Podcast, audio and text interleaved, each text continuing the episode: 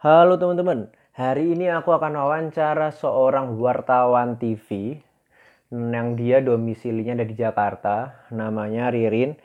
Kita akan bercerita tentang gimana sih cerita-cerita dari wartawan yang dia berada di eh, tengah-tengah wabah ini, yang dia harus ketemu sama orang-orang dan dia harus menyiarkan informasi untuk kita.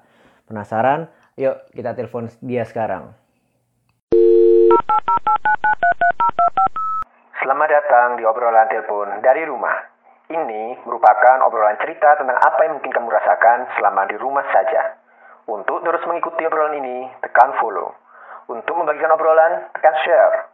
Untuk informasi lebih lanjut, buka Instagram telepon dari rumah dan di sana kamu juga bisa membagikan cerita kamu. Terima kasih.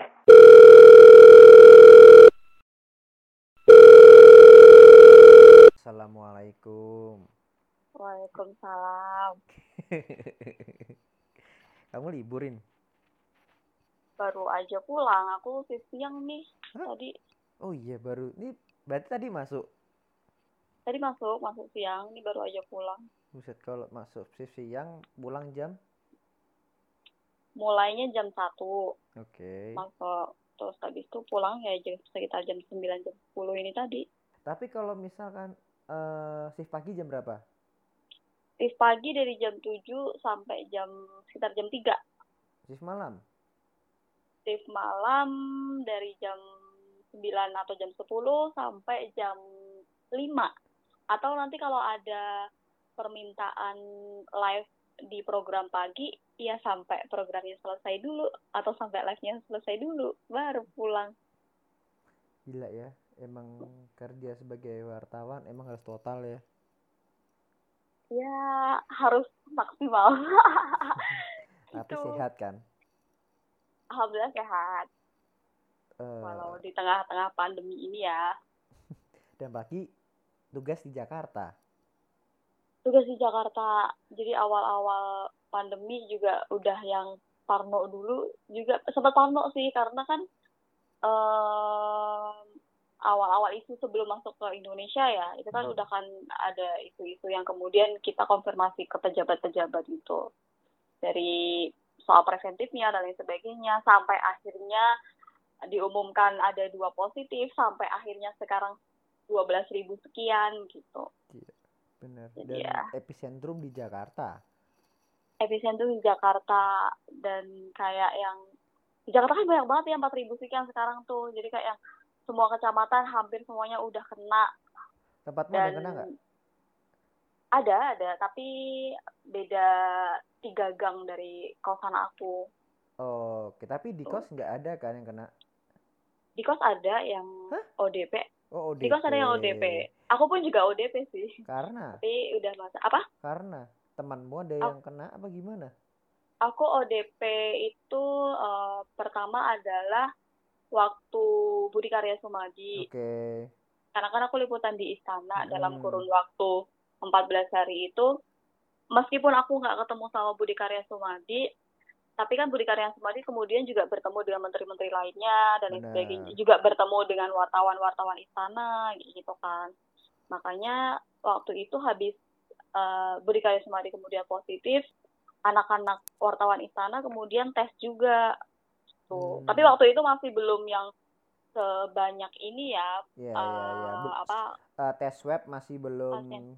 masih eh, aku pikir adalah masih suasana kondusif yang masih rumah sakit juga masih yang kondusif juga untuk pasien-pasien yang kemudian eh, apa untuk pelayanan eh, COVID ini gitu. Nah, tapi sebelum kita ngobrolin tentang masalah eh, si cerita gimana kamu tadi ini, eh, tapi di Hmm. dalam pekerjaanmu sendiri nih, sebenarnya untuk liputan itu Hmm. intensitasnya gimana sih, Rin?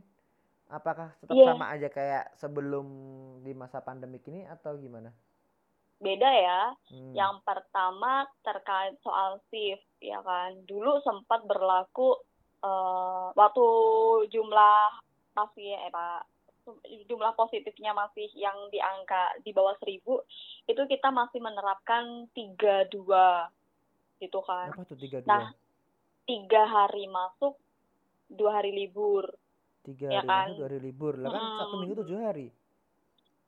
ya udah berulang aja nggak nggak nggak kemudian nggak Oh, nggak kan kita ya. juga kita uh, di nggak ada corona pun juga nggak kenal Sabtu Minggu kan gitu Oh iya, ya. jadi oh iya, jadi bukan kayak orang-orang kantor pada umumnya ya, yang Enggak, ada weekend heeh. gitu.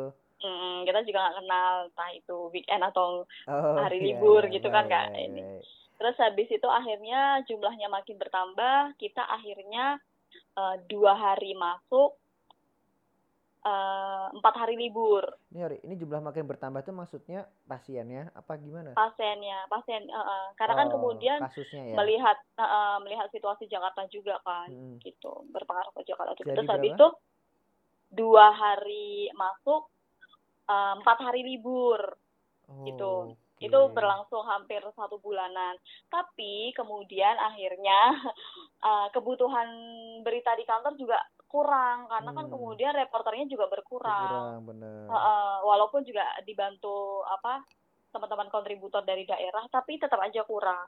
Akhirnya diberlakukan. Dua hari masuk eh, liputan di luar dua hari work from home ya terus habis itu berarti dua hari libur gitu jadi Oke. walaupun reporter tetap aja bisa work from home Nah, tuh ya gitu reporter work from home tuh gimana tuh?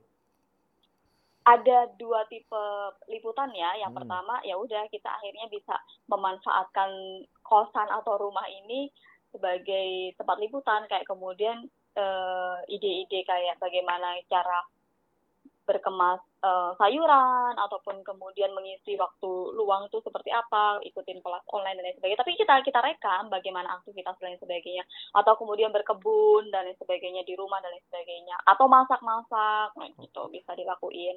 Itu Terus itu- reporter berarti Rin. Iya, reporter kayak Bukan "Hai, yang nulis pemirsa." berarti? Apa? Bukan ada yang nulis. visual, Oh, ada virtual. visual. Dan kamu syuting Ada- sendiri gitu. Iya, syuting sendiri. Terus habis itu kemudian nanti milihin gambar, bikin naskah. Kemudian nanti juga eh, apa nge-time code, time code tuh nge-translate apa tadi Hmm. omongan. Terus nanti dikirim ke kantor. Kamu udah siap jadi vlogger dong. karena tapi itu adalah tantangan loh. Karena kan biasanya aku adalah eh, reporter yang biasa ngeliput hard news ya. Iya. kayak kemudian KPK dan lain sebagainya. Kemudian untuk liputan-liputan yang work from home di rumah ini kan lebih ke soft news ya. Kayak yang Benar. Hai pemirsa hari ini adalah hari kesekian aku di rumah aja. Iya, gokil Itu gokil. tantangan juga. Kayak aduh aku udah untuk tantangan ekspresi di layar dan juga tantangan ekspresi eh ekspresi ketika nulis Mantap, gitu. mantap, mantap. selain mengerjakan di rumah, nah kemudian ada beberapa instansi yang kemudian menerapkan eh, video conference dan lain sebagainya eh, ataupun live YouTube atau streaming gitu Oh, kan. iya, iya, iya, iya. iya. Nah akhirnya juga akhirnya nanti dari kantor pun penugasannya adalah eh, Ririn hari ini kamu eh, Datang ke tugas video conference siapa gitu ya. Video conference-nya eh, Menlu ya, Hmm. nanti sesi ini kamu kerjakan atau kemudian eh, video conference-nya Polda ya gitu. Oke. Nah, tadi eh, kemudian Pertanyaan tadi ya. selanjutnya tadi eh, apakah sih Ah, ah. yang membedakan kemudian ketika kamu liputan di yang ini ya, ketika liputan benar-benar liputan itu Hmm. eh, pas masa pandemik ini apa sih bedanya? Hmm, sangat beda ya. Jadi tuh aku ceritain dulu sebelum ada pandemi-pandemi ini, yang namanya reporter yang kerja di lapangan itu kan ya udah temennya adalah debu, temennya adalah tanah. Maksudnya Benar. tanah adalah kayak yang kita nunggu Sampai bawa tanah ya Rin ya? Iya, jangan bawa tanah Oh, dong. iya, Kita nunggu nunggu yang lesehan, yang kemudian panas-panasan, yang Iya, kemudian makan aus, ya udah aus beli di jalanan, makan tinggal beli di jalanan. Yang kita ya ya eh, bukan bermaksud jauh dari higienis, tapi kayak kemudian ya udah ini yang ada di yang ada ini lapar ya lapar ya udah makan kayak gitu loh. Tuh, bos-bos media dengerin bos-bos media nih ada yang lagi curhat nih. Terus habis itu kalau mas, di masa pandemi ini akhirnya kita semua juga akhirnya mengubah pola liputan kita menjadi yang higienis juga karena kita juga harus menjaga kesehatan juga kan. Jadi yang pertama mulai dari kita sendiri. Tentu kalau dulu di tas tuh peralatannya ya udahlah air minum doang atau apa gitu. Sekarang dari tisu basah, tisu kering, terus hand sanitizer, terus habis itu sabun cair dan lain sebagainya. Masker cadangan dan lain sebagainya. Itu semua ada di tas. Terus habis itu kemudian uh, berangkat ke kantor nih berangkat ke kantor. Hmm. usahakan tuh bajunya yang baju-baju yang kalau aku sih kalau aku baju yang tertutup ya baju yang tertutup. Jadi semua uh, usahakan baju yang tertutup yang enggak nah, karena aku sekarang udah pakai kerudung jadi kayak yang baju yang uh, pakai kardigan dan lain sebagainya biar lengkap nggak yang menembus gitu. Gitu ya. Loh, tapi Terus kan habis itu, harus pakai seragam? Kan pakai seragam tapi paling enggak aku dobelin dulu sebelum nanti aku on cam gitu. Oke. Okay. gitu jadi biar kardigannya kotor kotor biasanya kardigan yang di luar nih kardigan di dalam. Iya enggak gitu terus habis itu kalau udah ke kantor alat-alat pun juga sehigienis itu jadi kayak yang sebelum dipakai itu juga dibersihin dulu okay. uh, eh, terus habis itu mic yang biasanya nggak pakai yang itu loh penutup hmm, kayak hmm. kalau kita kayak lagi karaokean ya, okay. hmm, sekarang dipakein gitu hmm. mobil liputan juga mobil liputan uh, sebelum dan sesudah itu disemprot kayak gitu ini ya terus pakai masker nggak sih pakai masker. Nah. Awal-awal dulu tuh kita nggak pakai masker waktu liputan ya. Kemudian uh, ditegur gitu. Jadi kayak kebijakan kantor juga akhirnya memutuskan kayak yang karena kan waktu itu kita masih berpikir kayak yang uh, nanti ekspresi kita eh, nggak uh, kelihatan dan lain sebagainya, cara pengucapan lafal dan lain sebagainya gitu kan. Tapi akhirnya ya kemudian harus itu tadi menjaga kesehatan juga kan buat reporternya makanya tetap aja pakai masker ketika kita live dan sebagainya gitu. Tapi bukannya kalau pakai masker hmm. nggak hmm, jelas ya, Rin? Itu ngep banget, guys. Kita biasanya uh, live tuh durasi uh, tiga menit gitu ya. Hmm. Itu di menit satu setengah menit aja kita udah ngep ngomong di pakai masker tuh kayak ya Allah kayak. Bener bener bener. Apalagi pas puasa, ya. Bayangin aku aja kayak pakai masker gitu, pakai pas puasa. Waduh, bawa surga masuk hidungnya sendiri. Rasanya yeah. apek banget nafasnya tuh ya ampun apalagi nanti kayak presenter nambah pertanyaan buset udah kayak udah kali bos gitu nah lalu ini udah berapa lama ya Mbak Tirin uh, masa pandemi ini Rin dari sebulan lebih lah ya lebih dari Maret ya dari Maret ya sebulan lebih. Berarti kan kamu udah kamu liputan apa aja selama pandemi ini? Liputan di liputan istana iya liputan di rumah sakit iya okay. liputan di jalan psbb iya. Hmm. liputan di perumahan yang kemudian itu adalah zona merah iya. Berarti bener-bener kayak kamu tuh wartawan di medan perperangan ya bisa juga dikatakan seperti itu ya karena berhadapan langsung berhadapan sama langsung bener bener uh, gitu. ya ya sama ya mungkin sama halnya dengan uh, teman-teman tim medis juga kan. Uh, tapi kalau tim medis mungkin uh, lebih ke bener-bener dia langsung ke orang yang terkena ya kan? Uh, kalau kamu uh, mungkin lebih yang masih meraba-raba nih ini kena nggak ya ini kena nggak ya yang kayak gitu-gitu iya, kan? uh, tapi ada cerita nih mon. Jadi waktu itu awal-awal uh, rumah sakit Wisma Atlet dibuka hmm? ya kan itu hari pertama deh aku hari pertama dapatnya sih siang jadi kan pembukaan mulai Wisma Atlet dibuka tuh jam 5 sore. Oke. Okay. Sedangkan aku shift tuh kan dari jam 2 sampai jam ini kan. Jadi kayak masa transisi gitu yeah. sebelum pembukaan kan. Nah, otomatis jam 3 jam 4 tuh udah ada beberapa kemudian yang pasien yang udah siap-siap mau ke situ karena kan mungkin di rumah sakit lain sudah penuh kan jadi kayak yang ah ini rumah sakit baru uh, pasti masih kosong dan aku pasti akan langsung ditangani gitu kan pikirnya pasien kan gitu. Nah akhirnya uh, jadi kita kan udah nggak bisa nih untuk liputan dekat-dekat dengan rumah sakit. Akhirnya kita juga udah mengambil jarak jarak aman gitu kan. Uh, itu dipisahkan oleh jalan raya kita. Nah ada tenda untuk pasien nunggu sama ada tenda untuk khusus wartawan. Ini okay. udah berjarak gitu kan. Tapi waktu itu ya namanya pasien dan uh, alamiah ya alamiah gitu kan jadi kayak dia jalan-jalan gitu jalan-jalan hmm. mungkin uh, dia butuh karena dia waktu itu butuh colokan listrik ya jadi kayak yang aku waktu itu kebetulan lagi ngobrol sama teman aku di tenda yang agak jauh dari uh, depan jadi uh, tenda agak belakang gitu.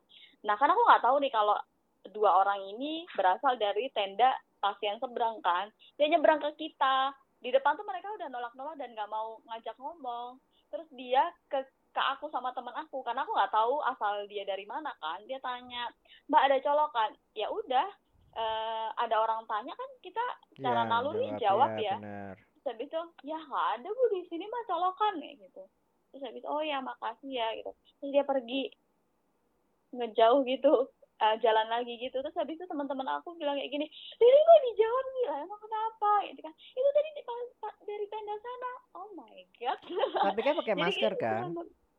sepakai maskernya ya waktu itu tapi se jadi kayak yang kita juga nggak tahu apakah ini kemudian positif dan uh, iya, ODP, PDP dan lain sebagainya gitu. Jadi ya akhirnya kemudian kita uh, secara preventif untuk yang hal-hal yang menjaga jarak banget. Berarti kamu ODP yang bertumbuk-tumbuk?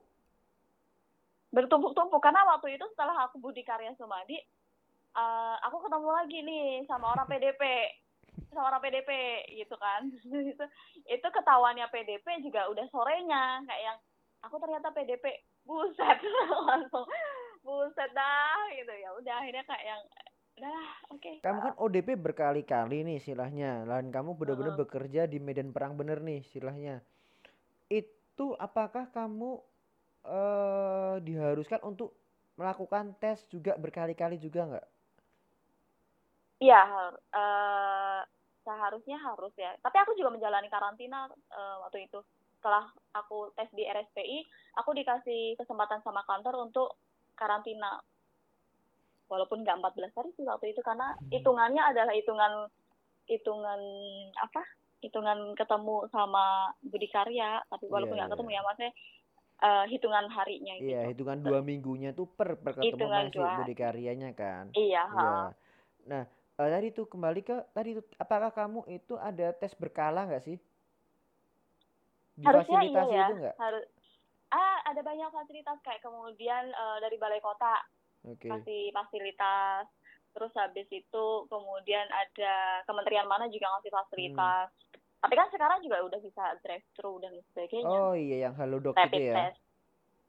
iya rapid kamu manfaatkan nggak belum mencoba lagi sih. Oh mencoba lagi. Kenapa nggak mencoba lagi? Uh karena merasa masih belum belum ini masih maksudnya masih apa ya sehat gitu ya, loh. masih belum. sehat, oke. Okay. hmm, masih belum. Masih percaya diri lah ya sehat. masih percaya diri yeah. karena pun uh, uh, karena sekarang pun aku juga karena untuk berkunjung ke rumah sakit dan lain sebagainya juga ada ada kekhawatiran juga sih. Karena kan di situ kayak yang bertemu sama orang-orang yang ya walaupun kemudian aku juga liputannya kayak kemarin nih liputan di stasiun Bekasi liputannya apa liputan uh, tes swab, swab. ya Iya. Dan, gitu, dan kamu tahu nggak beritanya itu ada yang positif loh ternyata. Yo iya. jadi makanya bener-bener kamu ya tadi ODP bertumbuk-tumbuk. ODP bertumbuk-tumbuk. Tapi ya kemudian akhirnya uh, aku kasih tahu ya kalau seandainya rutinitas aku setelah pulang dari liputan. Mm -hmm. Setelah pulang dari liputan, aku nggak akan masuk ke kamar kamar aku dulu. Jadi Terus, di kamar tetangga. depan enggak di depan kamar di depan kamar kosan itu aku akan mencopot baju yang luar gitu loh. Maksudnya kayak kardigan dan lain sebagainya gitu. Terus habis itu barang-barang yang kemudian tadi aku sempat pegang itu kemudian aku bersihin semuanya. Pakai tisu basah ataupun pakai uh, hand sanitizer dan lain sebagainya gitu ya kan? Event itu cuma uh, apa namanya event itu headset kabel terus habis itu power bank kayak gitu. Dibersihin. Terus habis itu barang-barang yang kemudian sekiranya aku butuhkan uh, lagi ketika aku lagi di kosan kayak kemudian make up dan lain sebagainya aku keluarin nih. Tapi udah aku bersihin dulu ya. Nah barang-barang yang kemudian enggak aku butuhin di dalam kamar kos kayak kemudian payung uh, terus habis itu alat tulis uh, untuk liputan dan lain sebagainya itu aku biarin ke di tas. Kemudian tas aku yang aku pakai buat liputan itu aku masukin kresek terus aku ikat. Gitu. Nah, gila seribet itu ya? Seribet itu. Terus habis itu aku udah men aku udah pakai uh, baju itu yang itu itu aja. Karena kan liputan aku cuma dua dua kali ya hmm. dua hari. Jadi uh, baju uh, kayak celana dan lain sebagainya kerudung gitu udah aku pakai ya udah itu terus. Terus habis itu sepatu pun juga aku pakai itu terus gitu. Jadi aku nggak mau semua barang aku terkontaminasi tuh nggak mau gitu. Habis itu setelah setelah semua barang udah aku bersihin baru deh aku mandi. Tapi tetangga tetangga kosmu bajunya aku. menghormatimu kan?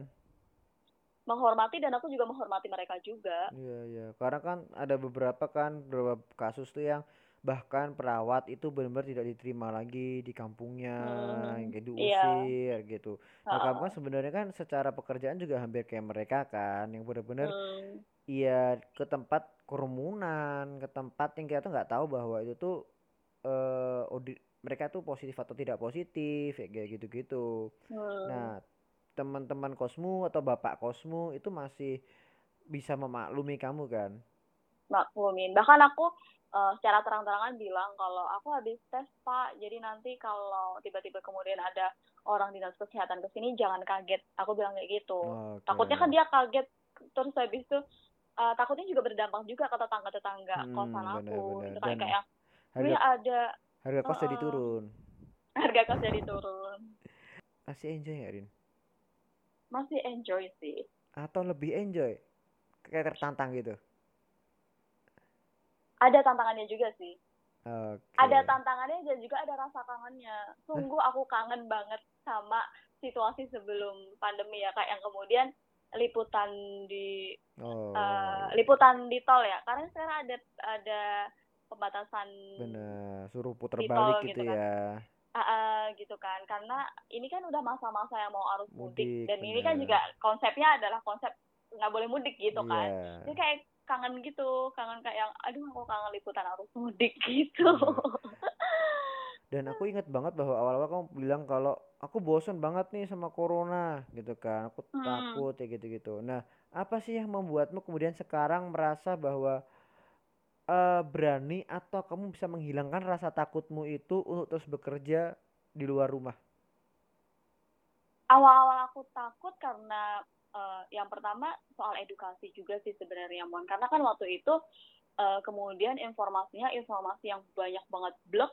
Terus habis itu uh, akhirnya corona corona corona corona gitu kan. Hmm. nah akhirnya sekarang sudah bisa memilah nih oh informasi yang benar yang nggak uh, simpang siur yang sebenarnya terjadi yang harus diupayakan uh, upaya preventif kemudian yang harus dicegah yang harus di uh, persiapkan dan lain sebagainya itu udah udah tertata gitu loh. Jadi kayak yang ya walaupun kemudian kita liputan di rumah sakit kemudian kita liputan di bertemu dengan banyak kerumunan dan lain hmm. sebagainya itu udah ada kemudian kita bagaimana cara menghadapinya gitu.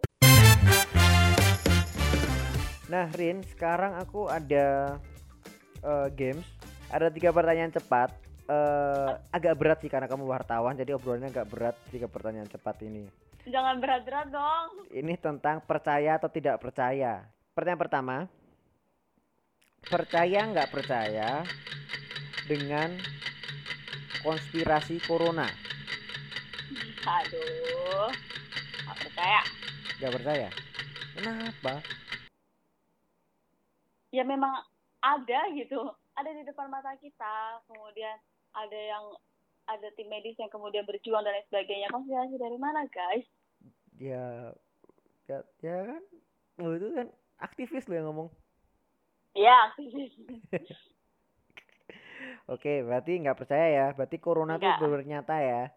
Nyata. Oke tanya yang kedua. Percaya atau tidak percaya dengan data-data yang diberikan oleh pemerintah hmm.